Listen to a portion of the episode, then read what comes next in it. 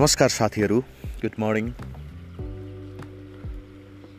तिनवटा पोडकास्ट बनाएपछि मैले केही समय यता पोडकास्ट बनाएको छैन। पोडकास्ट बनाउन किन भ्याइएन वा पोडकास्ट बनाउने कन्सन्ट्रेसन र पोडकास्ट बनाउने एउटा इमान्दारिता किन मैले देखाउन सकिनँ भने आफ्नो व्यावसायिक कामका कारणले। कोरोना महामारीले उत्पन्न यो विषम परिस्थितिमा म कार्यरत संस्था मैले नेतृत्व गरिरहेको संस्था हाम्रो डक्टरको एउटा अहम भूमिका यति बेला छ। र त्यो अहम भूमिका हामी निर्वाह गरिरहेका छौँ र त्यो निर्वाह गर्ने क्रममा सबै खालका शक्तिहरू सबै खालका लगावहरू चाहिँ त्यसमा प्रयोग भएको कारणले मैले लेखन अनि यो पोडकास्ट बनाउने कामहरू र अरू चिजहरू गर्न सकेको छैन। मैले एक दुईवटा पुस्तकको रिभ्यू लेख्नका लागि तयारी गरेको थिएँ। तर अहिले यो परिवर्तित परिस्थितिले चाहिँ मलाई यो हटलाइनहरू चलाउनका लागि हाम्रो डक्टरबाट हामीले फ्री सर्भिस पनि दिइरहेछौँ युजरहरूलाई। हामीले युजर र डक्टरहरूलाई जोडेर हामी नेपालकै पहिलो एउटा अनलाइन प्लेटफर्म भएको कारणले पहिलेदेखि नै हामीले चाहिँ अनलाइन परामर्श सेवालाई हामीले सुरु गरेका थियौँ। त्यो अहिले सशुल्क थियो। सशुल्क अनलाइन परामर्श लिनुपर्ने व्यवस्था थियो तर हामीले यो कोभिडका परिस्थितिमा हामीले यसलाई नि शुल्क बनाएका छौँ। कोभिड परामर्श चिकित्सकहरूलाई जुनसुकै समय मानिसहरूले नि शुल्क रूपमा हाम्रो डक्टर एपबाट प्रश्न सोध्न सक्ने कुराहरू भयो। अनि त्यता व्यस्त भएको कारणले पोडकास्ट खासै मैले बनाउन सकेको थिइनँ।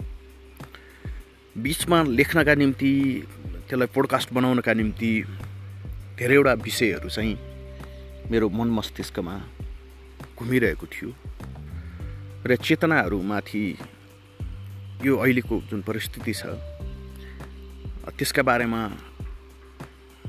केही लेख्नुपर्ने आवश्यकताहरू केही बोल्न पर्ने केही बहस गर्नुपर्ने केही पैरवी गर्नुपर्ने केही विद्रोह गर्नुपर्ने खालका चिजहरू छन् तर त्यसलाई लेख्न किन सकिएको छैन भने यो अहिले समाज एउटा त्रासमा छ। त्यो त्रासको एउटा हिस्सा म पनि हो। मेरो समुदायमा मैले पनि कोरोना नियन्त्रणका निम्ति भूमिका खेल्नुपर्छ मेरो परिवारमा। त्यस कारणले म लगभग हप्ताको एक दिन दुई दिन मात्रै म अफिस गइरहेको छु बढीमा त्यो पनि गएर क्लोज रुममा काम गर्ने। त्यो काम गरिरहेको छु र त्यो चाहिँ अहिले बढी जसो समय चाहिँ काममै हाम्रो डक्टरमै फोकस भएको कारणले मेरा अरू खालका प्रोजेक्ट अरू जो रनिङ प्रोजेक्टहरू छन् ती प्रोजेक्टहरूमा पनि मेरो खासै त्यति धेरै ध्यान गएको छैन। जस्तो व्यावसायिक रूपमा मैले सुरु गरेका मेरो इनिसिएसनमा अरू साथीहरू जोडिएर सुरु गरेका चाहिँ अर्गनाइजेसनहरू जुन छन् त्यसमा त्यति धेरै मैले समय दिन सकेको छैन। किनभने यति बेला चाहिँ स्वास्थ्य सेवाको हाम्रो अहिलेको वर्तमान अवस्था। र हामी कुन एउटा अवस्थाबाट गुज्रिरहेका छौँ त्यो हामी सबैलाई थाहा छ र यसले के देखाउँछ भने मुख्य गरी हाम्रो स्वास्थ्य प्रणाली कति धेरै आपतकाललाई व्यवस्थापन गर्न नसक्ने आपतकालको तयारीविहीन अवस्थामा रहेछ र भएकै संरचनाहरू पनि प्रयोग गर्न नसक्ने भएकै संरचनाहरूको पनि उचित प्रयोगबाट चाहिँ लाभ लिन नसक्ने हाम्रो त्यो स्वास्थ्य प्रणाली कति कमजोर रहेछ भन्ने अहिले थाहा भयो। एउटा कुरा र अर्को कुरा कोभिड सङ्क्रमण बढ्दै जाँदाखेरिमा प्राइभेट अस्पतालहरूले जसरी शुल्क अचाक्ली ढङ्गबाट लिए भनियो त्यसमा दुईवटा पक्षबाट हेर्नुपर्छ जस्तो मलाई लाग्छ। त्यसमा किन लाग्छ भने सरकारले हाम्रो राज्यले नीति नै कस्तो लिएको छ भने स्वास्थ्य शिक्षामा हामी मजाले व्यवसाय गर्न पाउँछौँ। व्यवसाय गर्ने हक अन्तर्गत स्वास्थ्यको शिक्षाको हामी व्यवसाय गर्न पाउँछौँ। स्वास्थ्य शिक्षाको व्यवसाय गर्न दिने वा नदिने वा स्वास्थ्य शिक्षाको व्यवसायको ठाउँमा उसलाई अरू व्यवसाय गर्न लगाएर स्वास्थ्य शिक्षा राज्यको दायित्वमा हुनु पर्थ्यो या पर्थेन?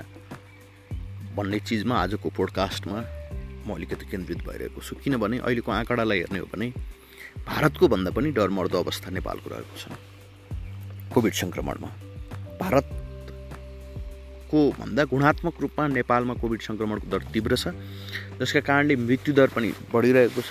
सय दुई सयजना मर्नु दैनिक त्यो चाहिँ सामान्य हुनु भनेको त्यो साम त्यो त्यसलाई चाहिँ हामीले सामान्य ढङ्गबाट लिनु हुँदैन। त्यो एउटा गम्भीर अवस्था हो।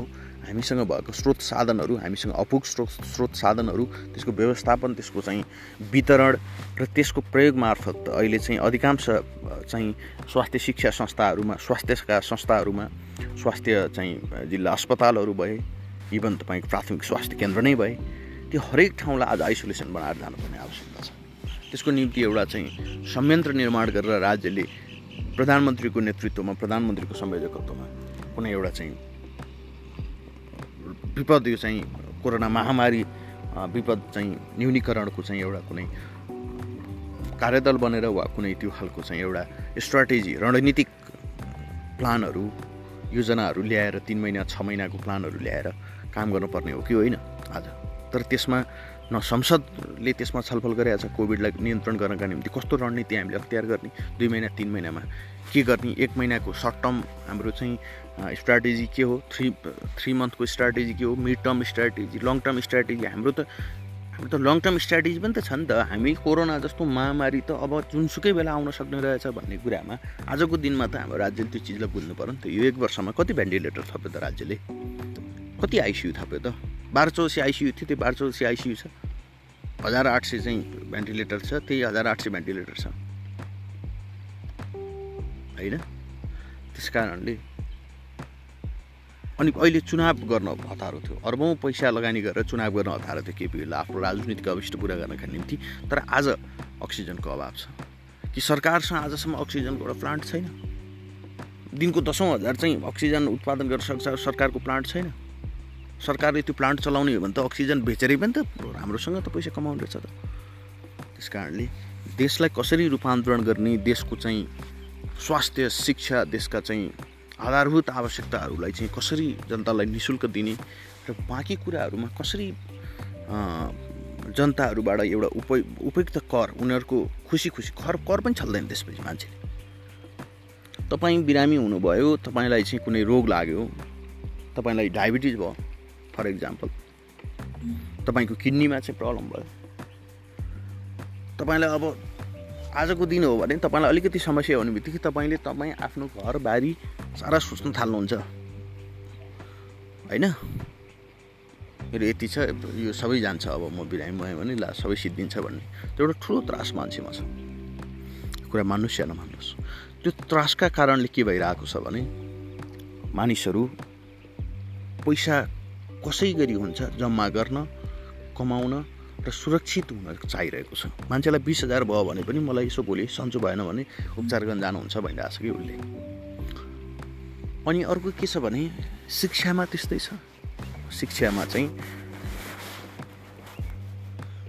सरकारी स्कुल र निजी स्कुल पढ्ने वा निजी स्कुलमै पनि ए ग्रेडका बी ग्रेडका सी ग्रेडका स्कुलहरू त यहाँ त थरी थरी छन् नि।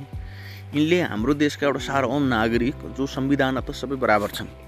संविधान त उसले राज्यका सबै सुख सुविधा र राज्यका चाहिँ एउटा चाहिँ नागरिक भएर उसको बाँच्नु पाउन स्वतन्त्रता त उसको छ तर उसले के का अभावले गर्दा भन्दा पैसाको अभावका कारणले गर्दा उसले राम्रो शिक्षा पाउन सक्दैन। ऊ त्यहाँबाट राम्रो शिक्षा पाउनबाट वञ्चित हुन्छ। खोइ यो विषयमा बहस भएको भनेको? यो विषयमा बहस हुनु पर्दैन। भनेको सबै नागरिकले पढ्ने स्कुलको गुणस्तर त्यो त्यहाँको प्रणाली त्यहाँको चाहिँ तौर तरिका त्यहाँको विधि र अबको एक्काइसौँ शताब्दीमा जीवनका विभिन्न आयामहरूका बारेमा सिकाइयो त्यो रटान गराउने भोकाउने त्यो होइन। जीवनका विभिन्न आयामहरूका बारेमा एउटा चाहिँ व्यवहारिक सिप ज्ञान र क्षमता अभिवृद्धि गर्ने खालका स्कुलहरू कलेजहरू हुनुपर्छ। जसका कारणले के हुन्छ भने इमान्दार नैतिकवान र देशलाई के गरौँ भन्ने भावना भएका मानिसहरू त्यहाँबाट उत्पादन हुन्छन् र ती विद्यार्थीहरूले बोले देश बनाउँछन्। हामी त विद्यार्थी कस्तो बनाइरहेछौँ भने हामी त आज विदेश जानका निम्ति युरोप अमेरिका नेदरल्यान्ड इभन केही सिप भने इन्डियामा गएर फर्दर स्टडी गर्ने वा फर्दर स्टडी गर्ने बाहनामा त्यहाँ पैसा कमाउने घर बनाउने छारा गर्ने यता आउने बिहे गर्ने बुढी लैजाने। हामी त अस्ट्रेलियाको अमेरिकाको युरोपको जुन छ त्यो त्यो देशमा जानका लागि ब्रिज कोर्स पढाइरहेछौँ कि। हामी यो देशमा केही गरौँ यो देशको चाहिँ हाम्रो एउटा चाहिँ भौगोलिक अखण्डता हाम्रो चाहिँ एउटा ऐतिहासिक पृष्ठभूमि। भएको देश हाम्रो वातावरणीय रूपमा यति स्वच्छ हामीले अलिकति काम गर्न सक्यौँ अलिकति वातावरण जोगाउन सक्यौँ भने वनै जङ्गलै जङ्गल झरनै झरनाको देश। यति राम्रो देशमा भोलि लाखौँ पर्यटक यो देशमा आउन सकुन्। होइन? भनेर चाहिँ हामीले काम गराउन सक्नु पर्थ्यो नि। खोइ त हामीले काम गर्न सकेको? हामी त्यो चिजमा त हामीले काम गर्न सकेका छैनौँ। हामी त विदेश जानका निम्ति तत्पर छौँ। भनेको यो शिक्षा प्रणालीले एउटा चाहिँ पलायनवादी सोचको पक्षपोषक हो आजको हाम्रो शिक्षा प्रणाली भनेको जसले पलायन हुनका निम्ति तपाईँलाई चाहिँ प्रोत्साहन गर्छ।